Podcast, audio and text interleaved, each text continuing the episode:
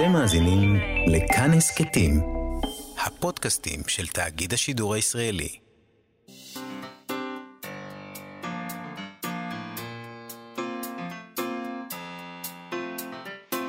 מה שכרוך עם יובל אביבי ומה יעשה לה.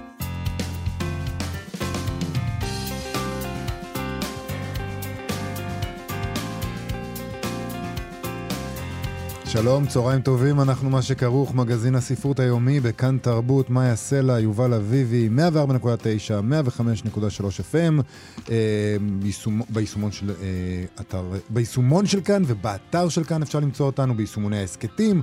איתנו באולפן המפיקה אירה וקסלר וחן עוז על הביצוע הטכני.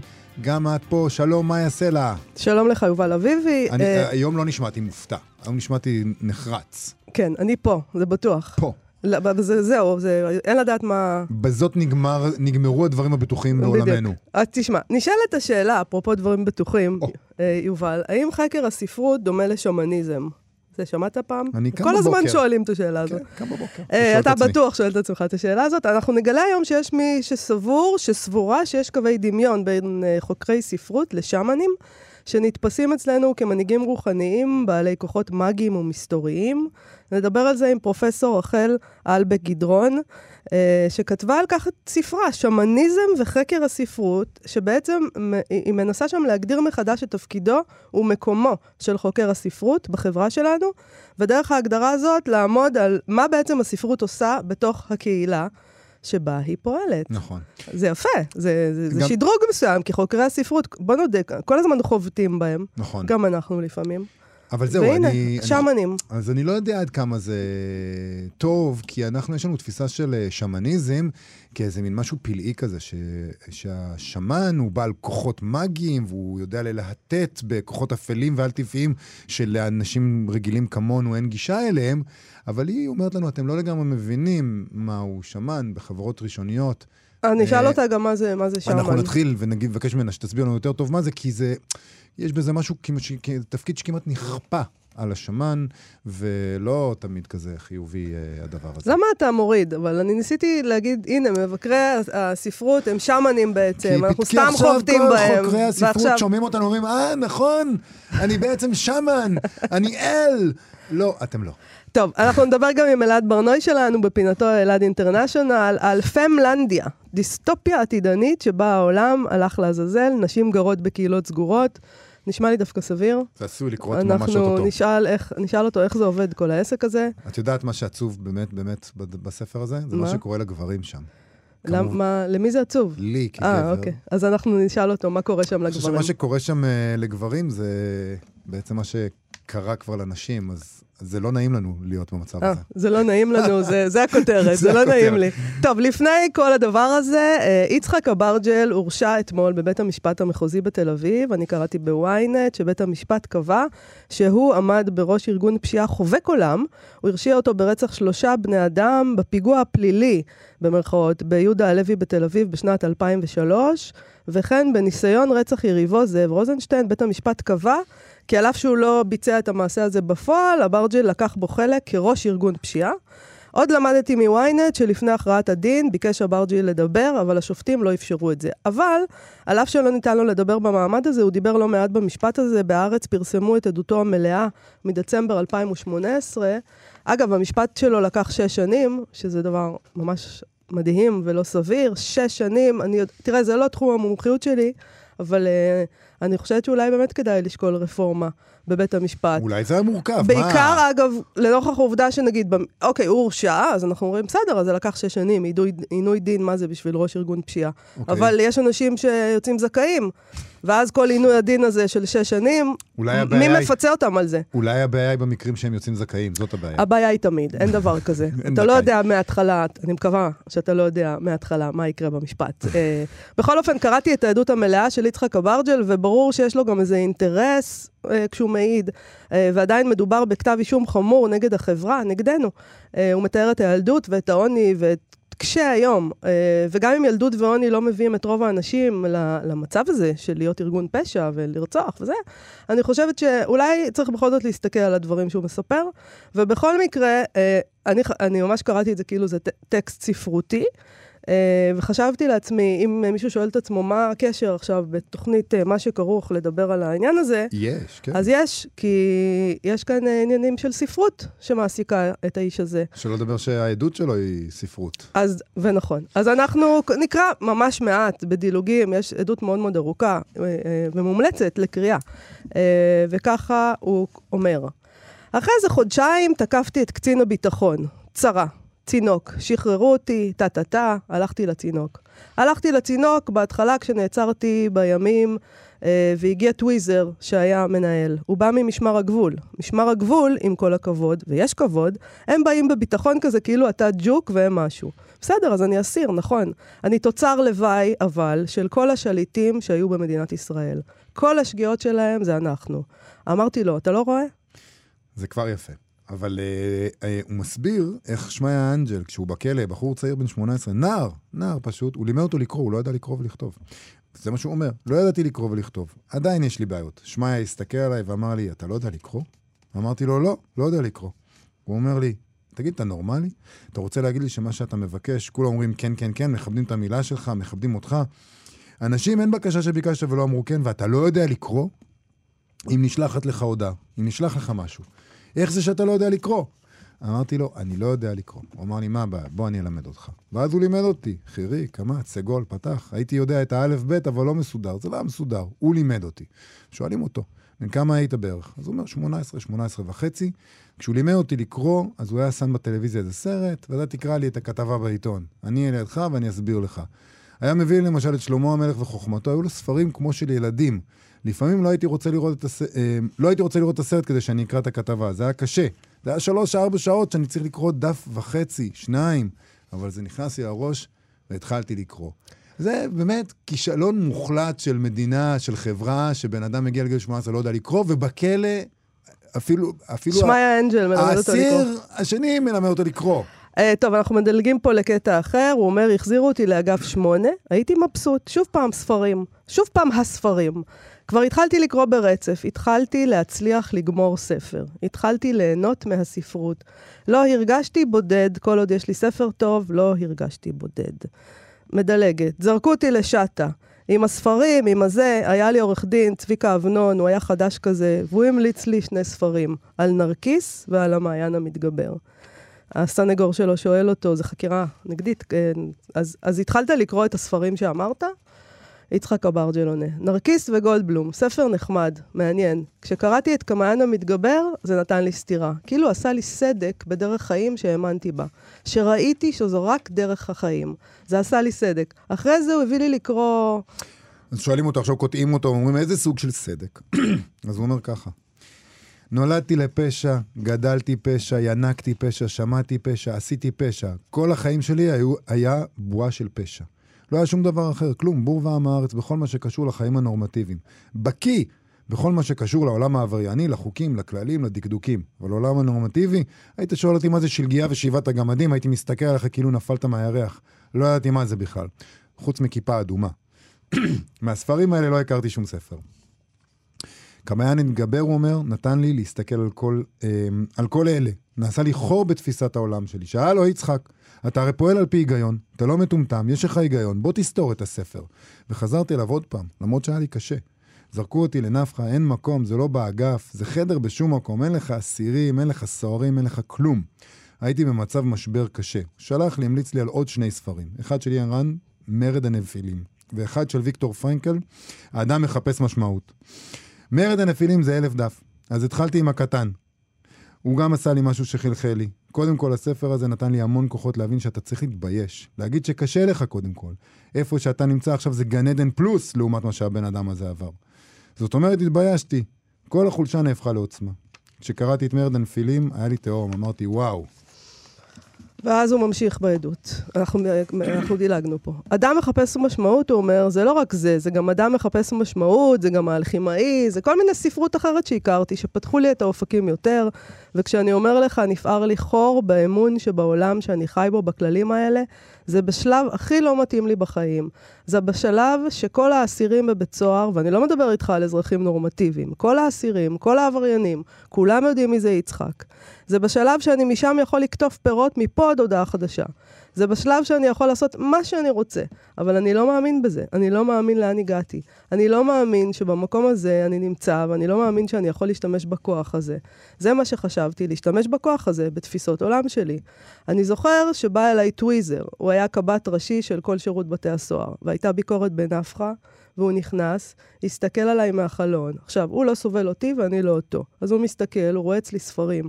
הוא אומר לי, מה אתה עושה דאווינים עם הספרים האלה?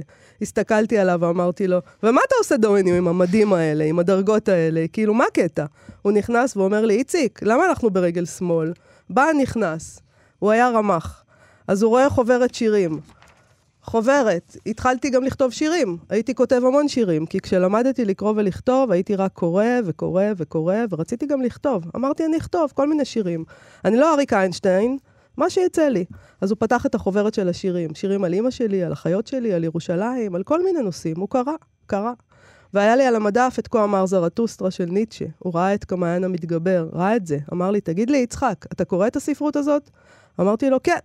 היה גם עוד ספר, תוף הפח. הבן זונה הזה, אני אגיד לך את האמת, כבוד השופטת, קראתי את הספר הזה שלוש פעמים ולא הבנתי אותו.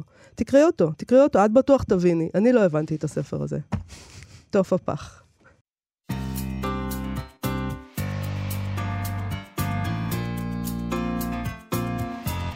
אנחנו מה שכרוך בכאן תרבות, מאיה סלע ויובל אביבי, חזרנו, נדמה לנו, או לי לפחות היה נדמה, שאני יודע מה זה שמן, שמן ומה זה שמניזם, בעיקר בגלל החדירה של השיח הזה של ה-New Age אה, לחיינו בעשורים האחרונים, אבל בספר שמניזם וחקר הספרות של פרופסור רחל אלבק גדרון, שיצא לאחרונה בהוצאת מגנס, יש הגדרה שונה, מדויקת יותר, אולי צנועה יותר למהו שמן. בן אדם, זה לא הגורו. המכשף, בעל היכולת הזאת לשעבד כוחות על-טבעיים לטובתו. ובזכות ההגדרה הזאת שהיא נותנת, היא מציעה לבחון את הקווים הדומים בין השאמן לבין ההפתעה, חוקר הספרות. אז מסתבר שיש הרבה שדומה בין השניים, וזה מאפשר לה בעצם להגדיר מחדש את התפקיד והמקום של חוקר הספרות בימינו. פרופסור רחל אלבק גדרון מהפקולטה למדעי היהדות באוניברסיטת בר אילן חיברה גם את הספרים המאה של המונדות, המטאפיזיקה של לייבניץ והמודרניות של המאה ה-20, ואת הספר השלישי האפשרי, מחקר מונוגרפי על עבודתו של יואל הופמן. שלום, פרופסור אה, רחל אלבק גדרון. שלום, יובל. בואי נתחיל רגע, אה, מסתבר שאנחנו לא יודעים מה זה שמן. אז אולי ת, ת, ת, אני מבין שהתפיסה שלי כגורו לא מדויקת. נכון. אה, זו באמת תפיסה עכשווית יותר של שמן, שמבקשת לתת לו כוחות ויוקרה שבעצם לא היו לו בחברות קדומות. אה, ואני הייתי רוצה לחזור להגדרות של אה, חוקר הדתות נודע מירצ'ה אליעד, שחקר את התופעה הזאת של שמן בחברות קמאיות. ובשנות ה-50 הוציא ספר חשוב על הנושא הזה, אה, ושם הוא מדבר על השאמן אמנם כמי שנמצא אה, בעמדת תיווך בין הרוחות ובין הקהילייה שלו ובין יכולות הריפוי של הקהילייה שלו, אבל הוא דמות צנועה בהרבה. הוא דווקא אה, מתגולל באפר ולבוש בחפצים מחרידים למיניהם.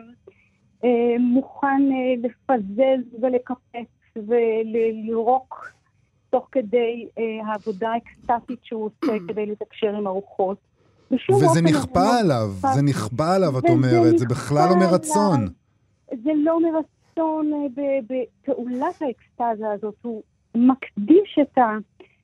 הייתי אומרת, למרות האנכרוניזם כלפי החברות הקמאיות, בכל זאת אשתמש במונח מודרני, הוא מכניע את הסובייקט שלו, את האני שלו, אה, ומשמש מין צינור ריק אה, שדרכו הרוחות יכולות לעבור ולעשות את עבודתן.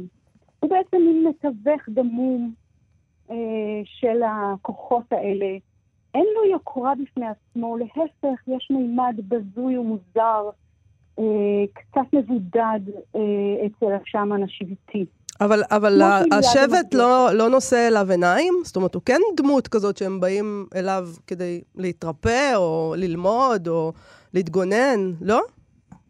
אה, נכון, מאיה, השבט מגיע אליו כדי לקבל ממנו ידע שאין לאחרים, אבל זה לא בדיוק אליו, זה באמצעותו. Hmm, אוקיי. וגם הביטוי נושא אליו עיניים הוא לא מדויק.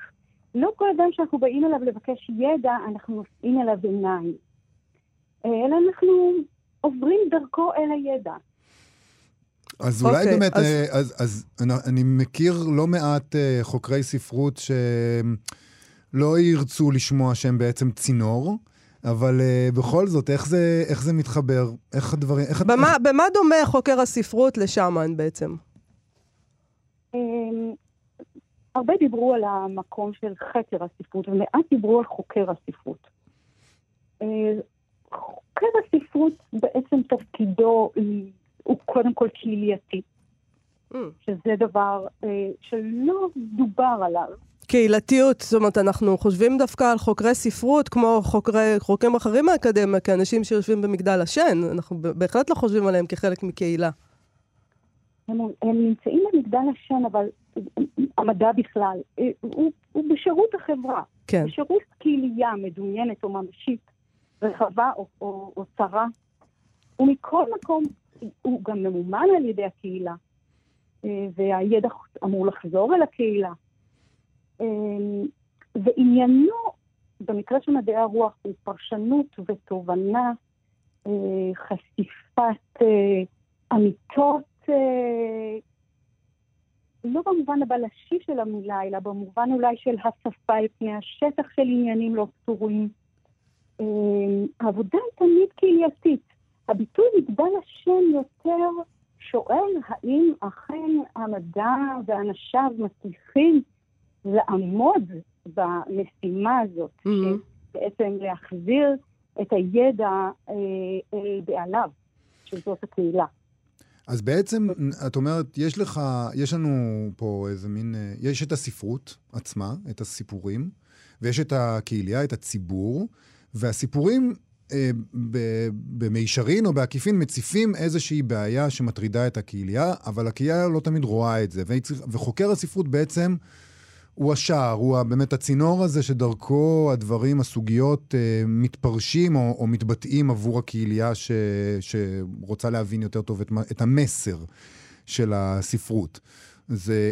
בואי ננסה לדבר על, אה, על יצירות בספר שמת, שאת עוסקת בזה. רוב הספר עוסק בכל מיני סופרים וסופרות ויצירות, ואת מנסה אה, לחקור את היצירות שלהם דרך הכיוון הזה. אז אולי ניקח לדוגמה את הפרק שלך שעוסק באלף בית יהושע, וננסה להבין איך המחקר של אלף בית יהושע מראה לנו את, ה, את הביטויים השמאניים בעבודת המחקר. אה, קודם כל אני רוצה להגיד שזה אה, לא תמיד שמאניזם מעלה מצוקות. לפעמים הוא מעלה עניינים שאמורים לעלות על פני השטח ולא מצליחים לעשות את זה. כוחות שונים רוכשים אה, מתחת לפני השטח הקהילייתיים, והדיבור על אומנות כמעלה אותם או משקפת אותם או מגלה אותם מראש, הוא לא דיבור חדש. בואו נחשוב על א' ב' יהושע באמת, יש לי שני פרקים בספר, אחד על המיניות אה, בעבודה של א' ב' יהושע, אה, שהיא מיניות מעניינת, אה, ואחד הוא על אה, הקשר בין טקסט מסוים, הקלה המשחררת, ובין איזה כוח אה, קמאי טרנס, טרנסגרסיבי בתוך אה, החברה ואולי בתוך כל אדם, והוא הקניבליזם, תאווה לקניבליזם. כן. אוקיי, קניבליזם. כן, בוא נדבר על זה. בואי נדבר על זה. כן. פרויד מדבר בעצם על תאומים של טרנסגרסיות, של אה, תאוות סמויות. אחת היא גילוי עריות, שכל כך דובה בדבר עד שאנחנו קיבלנו אותו כעובדה ולא כמחשבה פרוידיאנית. מהמם. או איזה מיתוס פרוידיאני, אה, והשנייה היא אה, אכילת אדם. ופרויד מדבר כבר על שניהם כעל שתי טרנסגרסיות מקבילות. זה אוקיי. מעניין, נכון? אחת מהן הפכה השנייה להיות לא- מאוד מדוברת, והשנייה לא. שנייה לא. אחת אה, נוצר, נוצרה דחיפות חברתית אה, להעלות אותה על פני השטח ולטפל בסובלימציות שלה.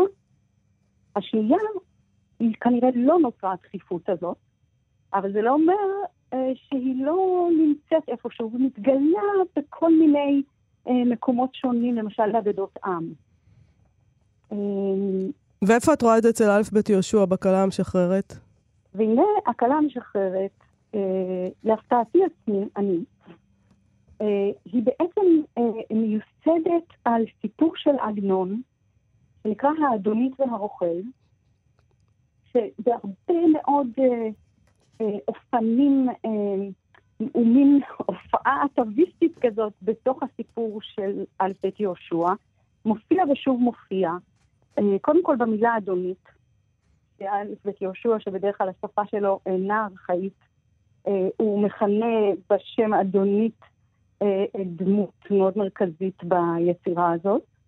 ושם הסיפור של עדנון הוא על אישה אוכלת אדם, שרוכל עני נקלע לביתה, ונמצא עכשיו בסכנה שהוא יאכל על ידה. כן. כמה בכלל זכרנו שעדנון מעלה את הסוגיה של אכילת אדם? נכון. אנחנו דווקא הזכרנו בתוכנית אה, לפני שבוע, שבועיים את, ה, את הטקסט הזה, אתה זוכר? אני לא זוכרת באיזה הקשר, אבל זה נכון, לא זוכרים את זה. למדנו, למדנו את הטקסט הזה בתיכון, אני- למיטב זיכרוני, כטקסט נגד התבוללות ו- וכולי. כן, אנחנו מסתירים מעצמנו בהרבה סיפורים את העובדה שהם עוסקים באכילת אדם. העז ושבעת הגדיים. זה סיפור על אכילת אדם, כי הרי יש אנתרופומורפיות לעז ולגדיים, והיא מפחיד- מזהירה אותם לא לפתוח את הדלת, שלא יאכלו אותם. אה, ובעוד אה, אגדות רבות וסיפורים וסרטים, שתיקת הכבשים, אה, כל פעם הנושא הזה מגיע, אבל יש איזו סמיות ואיזה עיוורון ביחס אליו. הוא לא מצליח לעלות לפני השטח. הוא קיים גם כתופעה, כסוג של אה, אה, טרנסגרסיה במציאות החברתית הממשית. הוא, הוא מופיע לאורך כל מגילת איכה במצבים של רעב קיצוני. הוא נמצא כל הזמן, אבל אנחנו לא רואים אותו. נכון. ובתוך שעבדתי על, ה, על היצירה הזאת של א' ב' יהושע, והסכמתי להשאיל את עצמי כצינור ריק, אה, התחיל הנושא הזה לעלות אה, יותר ויותר. ועולה השאלה למה בישראל של 1998 המספר השבטי שלנו, ומהרבה בחינות אה, א' ב' יהושע המספר השבטי שלנו, או היה המספר השבטי שלנו, אה, למה הנושא הזה מעסיק אותו? במרכז הספר למשל יש דימוי של איזה אה, דמות כלאיים כזאת, הנקראת חתול שא. חתול ושא המוכלאים ביצור אחד. חתול שא. חתול שא. שזה טורף ונטרף, אם נחשוב על זה. כן. מהמם. אה, למה ישראל של 1998 אה, מעלה במספר הסיפורים שלה דמות כזאת ותמה נוקבת כל כך וארכאית כל כך וסמויה כל כך? אז יש לך, יש לך השערה? למה, באמת? 1998, אנחנו זה לא אחרי כזה מזמן. 95, אנחנו אחרי רצח רבין, אנחנו אחרי אנחנו הכישלון של. אוסלו, אנחנו באינתיפאדה, פיגועים, כן. הרבה מאוד, הרבה מאוד אה, עניינים אה, חברתיים עמוקים יכולים להיכנס לתיווך באמצעות החבילה הזאת. והשאלה באמת, האם הדמות השמאנית של הסופר מייצרת אה, צורך פעולה, אה, או שהיא יוצרת טיפול והכלה תוך כדי קריאת הסיפור, וככה ניתן להכיל את מצב החתול שא של ישראל בשנים האלה. אנחנו צריכים עוד מעט לסיים, אבל אני רוצה לשאול אותך, את מתארת את הדבר הזה, תיארת את זה עכשיו כמי שקוראת את הטקסט הזה של א' ב' יהושע ו- ועובדת עליו, ואז פתאום באמת, כמו שקורה אה, אה, את הופכת לצינור וזה נגלה אלייך, פתאום משהו כמעט, כמו שאת אומרת, כמעט נכפה עלייך הדבר הזה. ואני, מעניין אותי, איך, איך, איך התחושה כחוקר ספרות? כי אנחנו רוצים לחשוב על, אה, על חוקרי ספרות כאנשים מאוד מדויקים, שעובדים עם התיאוריה, שעובדים עם, אה, עם החומר, שיכולים להוכיח מתוך הטקסט, אבל את מתארת על משהו קצת אחר. את מתארת מישהי שעומדת מול הטקסט ופתאום איזה, יש לה איזה חיזיון. אני רוצה קודם כל לעשות דמיסטיפיקציה לעובדה הזאת. כי כל חוקר וגם כל מדען אה, מכיר את הרגע הזה שבו מתאחים, מתאחות הדרכים ופתאום נגלית איזו שלמות אחרת שהוא לא הבחין בה קודם והוא לא בדיוק אחראי על הופעתה ולפתע מובנת לו יש איזו הנהרה, יש רגע בהיר אה, בתוך מחקר בתנאי שהוא באמת נתון במחקר הזה בכל מאודו. אני חושבת שזה דבר מוכר לפרשנים, זה דבר מוכר למדענים ולחוקרים, ש, שלפתע משהו ב, ב, בשדה הכאוטי הזה אה, יוצר איזו התארגנות חדשה שמביאה לתובנה. יחד עם זאת, חקר הספרות הוא תחום אה, שהכלים שלו מאוד דקים ומשוכללים. אה, רציונליים ולוגיים אה, ושיחתיים, ניתנים להסבר, ניתן לפרוס אותם. כן. ומשהו בעבודה, בעבודת החומרה של חוקר הספרות, אם הוא מצליח להגיע לסוג הענווה שלו מול האובייקט הנחקר,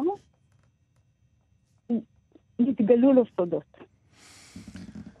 זה נדמה לי עצה לק- טובה לכולנו. כשאנחנו אני מוצא חן בעיניי כשאני להסתכל קורא- על- עליכם כעל שמנים, אני חייבת להגיד. זה מה זה... שמנים, שמנים אבל ענבים. זאת אומרת, אנשים שלוקחים את ה... לא חייבים, לוקחים את עצמם- שמנים.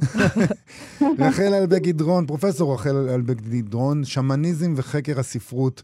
אה, זה ספר מאוד מעניין, דיברנו על קצה קצהו, יש פה, יש פה המון המון יוצרים ויוצרות שאת עוסקת בהם ומתעסקת בעבודות שלהם דרך, ה, דרך הכיוון הזה, דרך הזווית המעניינת הזאת. תודה רבה לך על השיחה הזאת. תודה רבה לכם. להתראות. עכשיו, אלעד International. אנחנו יובל אביבי ומאיה סלע, מה שכרוך בכאן תרבות. חזרנו עם אלעד International, אלעד ברנוי שלנו, שהוא גם עורך ומגיש התוכנית Pop-Up בימי חמישי ב-10 בבוקר, אה, וגם כמובן מגיש אצלנו את הפינה. אלעד International, שבה הוא מציג בפנינו את הספרים הנהדרים ביותר אה, שטרם תורגמו לעברית. לפעמים, אגב, הם לא נהדרים, לפעמים הוא קוטל אותם היטב, אבל הם ספרים. מעניין מה יקרה היום. אלעד ברנוי, שלום לך.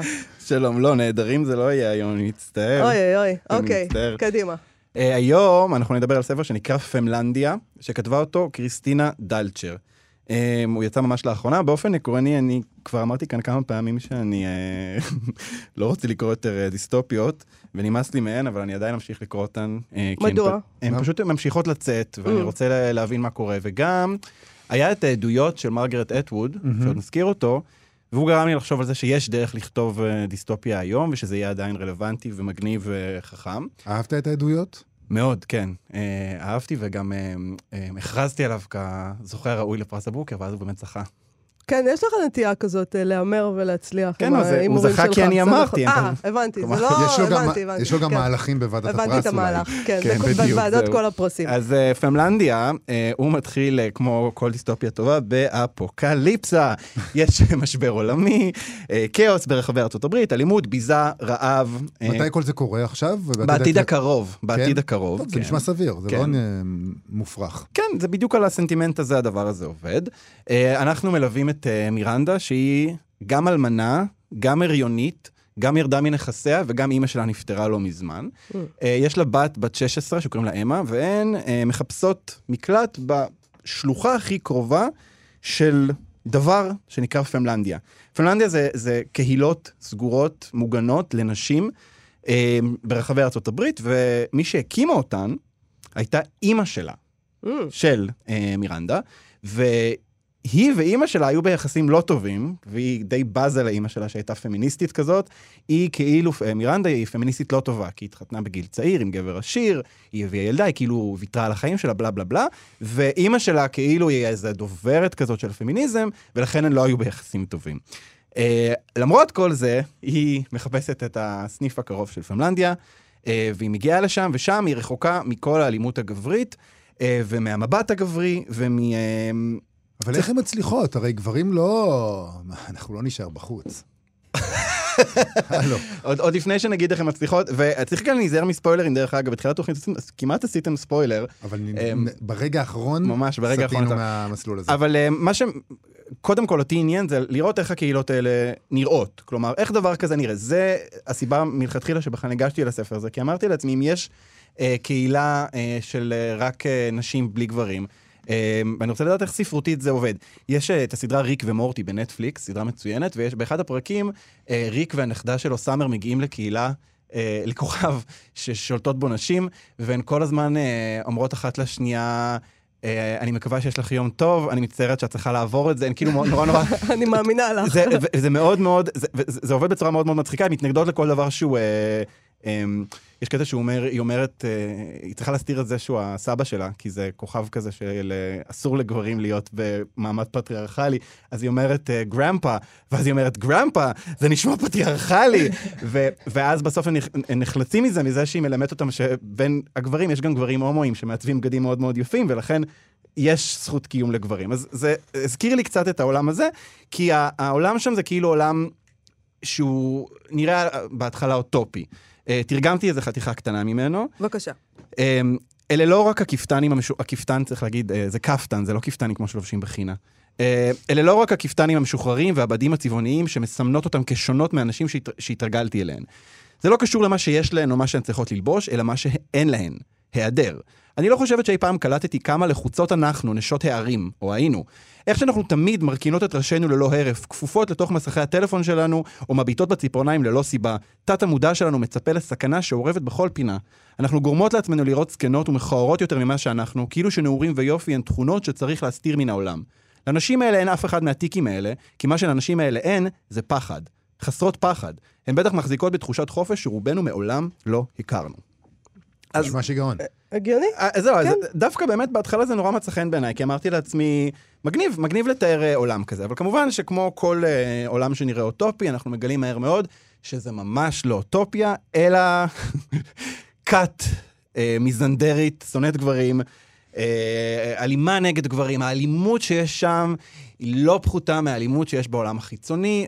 וכן הלאה, אוקיי? כל הדברים האלה זה לא ספוילר. אז זה בעצם לא- אה, ספר שוביניסטי? זהו, זה- כאילו... מאיה מצקצקת, היא לא אוהבת זה ספר. מיזנטרופי, יותר מהכל. תראו, יש, אה, צריך להגיד, מאז אה, 2017... אתה מה- תמיד תמצא את הזווית שבו... סליחה! אני לא- אישה כותבת. על קהילת נשים, ואז היא אומרת, אתם יודעות מה? נשים, כששמים אותם אה, בראש, אז הן לא הן לא פחות גרועות מגברים. ביחד, נשים לא שונות מגברים ביכולת שלהם להיות אכזריות והן אז זה אלימות. מאוד שוביניסטי לומר את זה. אז אני שוביניסטית. שתהיו לי בריאים באמת שניכם. לא, אבל אה, אה, מ-2000 מאז 2017, מאז שטראמפ נבחר, יצאו המון המון אה, אה, רומנים דיסטופיים שהם, אה, אה, אני מסמן במרכאות פמיניסטים, כי, כי המילה כאן פמיניסטית אה, היא, היא בעיניי שנויה במחלוקת, כי הרבה מהם זה, זה, הם מתארים עולם בלי גברים, עולם שבו גברים הם ככה, כלומר... אין כאן איזושהי נקודת מבט שהיא בהכרח חד משמעית. אה, רק אני אזרוק כמה שמות, אה, Red Clocks של לני זומה, The Water Cure של סופי מקינטוש, Before She Sleeps של בינה שה, ו-When She Woke של הילרי ג'ורדן. אה, אני חושב שהספר הכי מצליח מכל הספרים האלה זה The Power של נעמי אלדרמן, שמתאר עולם שבו נשים מגלות שיש להן כוח לחשמל מהידיים והן משתלטות על העולם, והעולם נהיה נורא נורא אלים. כאילו כן, האמירה כאן היא בסופו של דבר, כוח זה כוח, מי שמחזיק בכוח הוא... הוא יפעיל ישתמש. בו לרעה, כן. כן. עכשיו, האמירה הזאת זו אמירה ישנה, וזו אמירה משעממת. אה, שמענו אותה כבר הרבה פעמים. אז אני אומר לעצמי, אוקיי, אם אני מתנתק רגע מהאמירה, ויש פה גם הר- הרבה אה, דיון פנים פמיניסטי על הדור, איזה דור הוא לעומת דור קודם, יש שם, אה, לזה רגע מזכירים אפילו את העניין הטרנסי. לתוך העולם הזה של פמלמדיה לא מכניסים מי, ש, מי שלא נולדה אישה עם Mm. האיברים של אנשים. יש שם קטע אה, אה, שממש, היא מתארת את זה כאילו על ה... לא אכפת לי איך הם מזדהים, מבחינתי שיזדהו כקיפוד, זה לא משנה. אה, יש בו בספר את כל המרכיבים אה, שמנהלים דיון, מה שאין בו זה את הדיון עצמו כספרות. כלומר, המעבר משיחה לספרות. אה, הדוגמה, אני חושב, ההפוכה לזה, היא העדויות של מרגרט אטווד. שם, מרגרט אטווד יודעת כבר, היא בראה את העולם הזה של סיפורה של שפחה, היא לא צריכה לכונן שוב את האלימות ואת הפורנוגרפיה ואת האונס ואת כל הדברים האלה, בשביל להוכיח לנו כמה ה... ה... יצר לב האדם הוא אה, רע מנעוריו. מה שהיא עושה, היא פונה למנגנון, להסביר לנו איך הדבר הזה עובד. וזה בדיוק מה שלא קורה בספר הזה. הבת שלה, של מירנדה, אמה, היא בת 16, והיא איכשהו תוך שלושה פרקים הופכת כאילו, oh my God, עשו לי היפנוזה, אני שונאת את כל הגברים. איך, איך, איפה, אני קראתי, איפה, הייתי בשירותים, אני לא מבין, כאילו, תסבירי רגע, בשביל זה את סופרת, תכתבי מה, איך זה עובד. תסבירי איך המנגנון הזה של כת שמנסה לשדל נשים להפוך לשנוא גברים, אה, איך זה עובד. עכשיו, גם הדבר הזה, אגב, של... אה, להגיד יש פה קהילה מוגנת של נשים, ואז הו, הפתעה, נשים שונאות גברים, זה גם משעמם. כאילו, זה גם איזה מין פנטזיה, הגשמה של פנטזיה מטופשת נורא לגבי מה זה פמיניזם. אה, ובכלל, יש שם כאילו כל המערכת יחסים בין הדור השלישי ל, ל, לפמיניזם הרדיקלי, ואיכשהו בסוף כולם נצאות לא בסדר, כולם לא בסדר, כל העולם לא בסדר, לא, המין גם- האנושי לא מאוד- בסדר. בדיוק, זה גם מאוד מאוד שטוח. זה כאילו להגיד, אה, כוח זה כוח, מי שיקבל אותו יפ- יפעיל אותו בצורה אלימה, ואז אז אין סיכוי. טוב, אז בואו נוותר פשוט, בשביל מה לכתוב ספרות? אני חושב ש... ש... אם, אם זו הייתה האמירה, זה היה בסדר, אם, הספר, אם הספר עצמו היה טוב. ברור, כי- זה תמיד השאלה אם אגב, גם הספר עוד טוב. דבר שהפריע לי כאן, זה שבהתחלה אמרתי לעצמי, טוב, הם נצמדים לתודעה של אמה, של הילדה בת ה-16, אז בסדר, זה הגיוני שזה יהיה ספר שהוא קצת יאנג אדולט, אבל זה לא מה שקורה, זה ספר שהוא באמת, יש בו את כל היומרה להיות רומן למבוגרים, רומן רציני, שלוקח את עצמו ברצינות, אבל אין בו את הבשר לעשות את זה. כן, הוא אפילו... בוא נודה שהשם מעולה, פמלנדיה. כן, אני יודע, אני אני כבר כל כך... לא נודה, לא, לא לא, נודה. כי הם עושים שם המון משחקי מילים עם סקרוטני וסקרוטנשי ושיסטורי, וזה כל כך משעמם. זה כמו בפרקים של מרוץ הדרג של רופול שעושים משחקי מילים, רק שזה בספרות, זה אמור להיות קצת יותר מתוחכם זה. נשמע לי כמו הרבה פוסטים בפייסבוק שאני קוראת. אה, אבל נשאלת השאלה אולי, אה, אנחנו צריכים עוד מעט לסיים, אבל באמת, מדוע מנית כל כך הרבה דוגמאות, מדוע כל כך... אני, אפשר להבין מדוע. מד, למה צריך, למה הספרות עוסקת כל כך הרבה בעולם ללא גברים? אה, אפשר להבין מדוע, אבל אה, מצד שני, אולי אם זה ככה קצת נהיה משומש, אה, לחשוב על זה שעולם ללא גברים הופך הרבה פעמים, נדמה מאוד בספר הזה שזה מאוד דידקטי ושטוח. ואולי בכל זאת אי אפשר להסתדר בלעדינו. כן, כן, תגיד לעצמך מה שאתה רוצה להגיד. אני חושב שאפשר לתאר עולם בלי גברים בצורה הרבה יותר טובה, אני עושה את זה כל הזמן. אה, אבל אה, אבל לא, זה הגיוני שהספרות תרצה לעשות את זה, כי אה, יש פה גברים בכל מקום, אתה יורד למטה ברחוב, אתה רואה שמונה, הייתי במכון רישוי אתמול, 9,000 גברים צורכים אחד על השני מסביב. סיוט, סיוט, אז כן, כשישבתי שם אמרתי לעצמי, וואלה, הייתי מעדיף עכשיו להיות בכת מיזנדרית שכאילו אה, עושה דברים רעים לזה. כן, אני יכול להבין את הפנטזיה. אנחנו חיים בעולם אה, רווי גברים, אה, אפשר לפעמים לדמיין הפוגה. אני לא מוכן לוותר עלינו כל כך מהר. פמלנדיה, אלעד ברנועי, תודה רבה לך על הפינה הזאת, למרות, אתה לא ממליץ לקרוא. נתתי את כל נדמה לי שזה די ברור. לא, נראה לי שאם, נראה לי שזה דווקא, בגלל שזה עולם עם, עם, עם, עם גבולות ברורים ו, ו, וכל המידע כאן נמצא, יש אנשים שייהנו מזה, כאילו, אולי לנוער יותר, לא ספר שאני אזכור לכל החיים. תודה לך, ש- אלעד ברנועי. תודה רבה.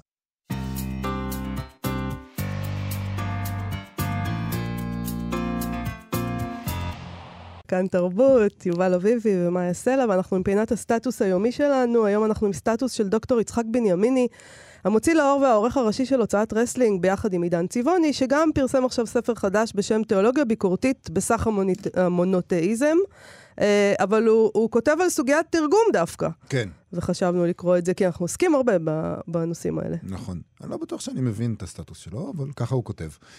בחיפושיי אחר מתרגם לצרפתית של המילה שלי, זכיתי רק לאגרסיות מצד אותם מתרגמים שפניתי לעיווי שלהם, בשל האתגר שהמילים שלי מציבות כלפיהם.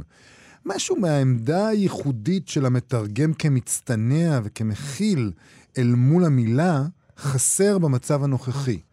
אולי בשל המנטליות הישראלית שמנפיקה תוקפנות מסוג אני מוותר על התענוג. אני חושבת שזה מאוד מעניין. אבל צריך להגיד שלא הוא אומר אני מוותר על התענוג, אלא התוקפנות היא מהסוג של ויתור על התענוג. הם אומרים לא, כן. שהם מוותרים על התענוג. כן. אה, וזה מעניין בעיניי שהוא מבקש את המתרגם המצטנע, אה, דווקא בזמן שבו כבר ברור ש... המתרגם הוא, הוא אדם מאוד מאוד חשוב, הוא לא צריך להצטנע. אנחנו מדברים, אה, יש דרישה כזאת של מתרגמים, וחלק מההוצאות כבר עושות את זה. נכון. השם המתרגם נמצא על הכריכה, מהמם. הוא שותף מלא במלאכת הסיפור. אולי- הוא לא סתם איזה דמות צללים כזאת מצטנעת, בוודאי ובוודאי לא כאשר מדובר בטקסטים המורכבים של דוקטור יצחק בנימיני. המתרגם צריך להיות אה, אישיות מיוחדת במינה. לגמרי. אולי הוא רוצה לחזור, אולי הוא רוצה שכמו חוקר הספרות, מתרגם יהיה מעין צינור, Mm. שהעבודה אבל גם הצינור הזה, עליו. הצינור הזה הוא שמן בסופו של דבר. אתה בדיוק. צריך... אה, צריך להתחשב בו. תוריד את הכובע. אה, אבל זה, זה, זה נורא, זה גם מעניין בהקשר לסטטוס של אה, טל ניצן, שאנחנו... מאתמול, עבודת, כן. כן, שעבודת, שמדברת על כך שעבודת המתרגם היא שקופה. שהמתרגם לא נספר, שלא מזכירים את שמו. כאילו הוא קצת אה, מייחל לזה. אני, אני, שהמתרגם אני, אני אגיד יהיה- לך משהו, כאילו משהו. זה נעשה מעצמו. אני אגיד לך מה אני חושבת על, על העניין הזה של הדרישה לצניעות. כן. אה, ו- ואני גם אה, עשיתי את זה בעבר, זה לא... אז אני, זה הערה שאני מעירה גם לעצמי. אני חושבת שאי אפשר לבקש כל הזמן מאנשים אחרים להיות צנועים. אז, אז בעניין של צניעות, אני חושבת שאנחנו צריכים לבקש מעצמנו, כל אחד שיתעסק בצניעות של עצמו. כי לתבוע מאחרים במקצוע שלהם להיות צנועים, זה קצת מוגזם. אה, אולי. אולי יש מקצועות, נגיד סופר, אני לא רוצה אותו צנוע כל כך. אני לא רוצה סופר צנוע. סופרת הרבה צנועה. אנשים רוצים סופר צנוע ואומרים, אה, למה מה, למה מי אתה שאתה תכתוב לנו עכשיו עמוס עוז ואת הדעות הפוליטיות שלך? אתה בסך הכל עמוס עוז, אה, נכון? אתם באמת לא חייבים לקרוא, אבל סופר צנוע ונחבא אל הכלים, אני לא יודע. אבל לפחות מה עם בטקסטים שלו. סופר שוויצר? זה בעיה. אוקיי, בוא בעיה. נעשה קצת המלצות. נחשוב אדם, על זה. בני אדם, זאת כזאת בעיה, אה, באמת. אם כל אחד היה דואג לצניעות של עצמו, אז היינו במצב טוב. לא להמליץ לאחרים את על זה. רוצה את לימונוב צנוע, זה מה שאת רוצה. את רוצה את וולבק צנוע, זה מה שאת רוצה. את לא רוצה את וולבק צנוע. טוב, המלצות, כרגיל, בימי רביעי. אנחנו מסיימים עם כמה המלצות ספרותיות לסוף השבוע. היום, בשעה שבע וחצי, בערב בבית הסופרים בבאר שבע, מתקיים מפגש, הם עושים שם בבית הסופרים מפ... סדרת מפגשי סופרות, שנקרא שיח סופרות בבית הסופרים. הפעם ייפגשו שם סלינה סייג ומוריה דיין קודיש. אולי כדאי לשנות את זה לבית הסופרים והסופרות. אתה פשוט... אין, אין, אין רגע כזה שבו אתה פשוט תחמוק מה, מהצדקנות, אה? בצדקנות, בסדר. אני לא אחמוק מהשיח. היום הדרוש. בשעה אה, שבע וחצי, בסלון העירוני בבית אריאלה בתל אביב, תתקיים ההשקה של ספר שנקרא המתנדבת, אה, ספרה של נטלי גבירץ. דיברנו איתה כאן בתוכנית על הספר הזה, אהבנו אותו מאוד. בהשקה הזאת השתתפו עורכת הספר יערה שחורי, ג'וני שואלי, תמר קפלנסקי, נועם פרטום, סיון ששון, ראובן גבירץ ונטע ריסקין. היום בשעה שבע וחצי בערב במכון לאו בק בירושלים, וגם בזום של המכון יתקיים ערב לכבוד הספר הפרס של מתי שמואלוב, בהשתתפות לינה ברוך, ימימה חדד, עמרי בן יהודה, סיגלית בנאי, סבסטיאן שירמייסטר ושמואלוב עצמו. אוקיי, אה, יש לנו היום בשמונה וחצי גם אה, אירוע בבית מיכל ברחובות, שתמיד כשאני חושבת על בית מיכל ברחובות, מבחינתי זה שייך לך. בטח, אני זה- למדתי שם. בדיוק, אז אתה משם. אני משם. יש שם ערב על הספר אדריכלות לעניים של חס... חסן פתחי, שיצא בהוצאת אסיה. ידברו שם גלית סיוון, שהיא יוזמת שותפה לתרגום הספר לעברית, חוקרת תחום הבנייה באדמה בישראל ובמזרח התיכון. אה, תשתתף שם גם האדריכלית טולה אמיר, מנחת פרויקטים ומייסדת קליניקה אדריכלית חברתית, עוצרת ומשתתפת בתערוכות אדריכלות ואומנות, ועדי אנגלמן, העוצרת והמו"לית השותפה של הספר הזה. מחר, יום חמישי, בחמש אחר הצהריים, בבית מאירסדורף באוניברסיטה, באוניברסיטה העברית, בהר הצופים, בירושלים, תתקיים שיחה עם פרופסור דן מירון לרגע לצאת ספרו בין שני הרים, זוגות סופרים קרבה, ריחוק וחיכוך יצירתי. השתתפו מלבד דן מירון עצמו, גם פרופסור אריאל הירשפלד, פרופסור גדעון טיקוצקי ודוקטור לילך נתנאל. כמה שמנים בחדר אחד. אה, עוד מחר במוזיאון העם היהודי, אנו, זה השם שלו, כן. אנו, אה, באוניברסיטת תל אביב יתקיים כנס על שילוב מורשת יהדות ברית המועצות בציבוריות הישראלית. בין היתר, בשעה חמש תרצה שם הסופרת, המתרגמת והמשוררת ריטה קוגן על סופרים וסופרות יהודים ויהודיות בברית המועצות. והמועצים. והמועצים, נכון. מחר בשעה שמונה בערב בבית ביאליק בתל אביב יתקיים גם ערב לכבוד צאת הספר מבחר ושירים חדשים של אהרון שבתאי. אה, השתתפו מלבד שבתאי בעצמו גם פרופסור מיכאל גלוזמן, דוקטור עופרי אילני, אלעד זרץ, שלומי חתוקה, נועם פרטום, אה, ענן קנינג, ננו שבתאי, נועה שחם וסיגל נאור פרלמן. י- ועם- יקיר התוכנית. מי? אהרון מי מהם? שבתאי. אהרון שבתאי, כן. אוקיי, כולם, כולם, זהו, זה... לא, זה לא. מועדון סגור. סליחה. אה, אתה לא, אנחנו לא אנחנו לא, ככה. לא. זה זה, אה, אזור טוטליטרי. לא כולם. טוב, אנחנו, בוא נסיים, נכון? כן. אה, בוא נגיד שמחר אנחנו נשדר את המיטב של המיטב של, נכון. של השבוע החולף. תודה רבה לעירה וקסלר וחן עוז שעשו איתנו היום את התוכנית. אתם מוזמנים כמובן לעמוד הפייסבוק שלנו ולעמוד הפייסבוק של כאן תרבות. להתראות. אתם מאזינים לכאן הסכתים, הפודקאסטים של תאגיד השידור הישראלי.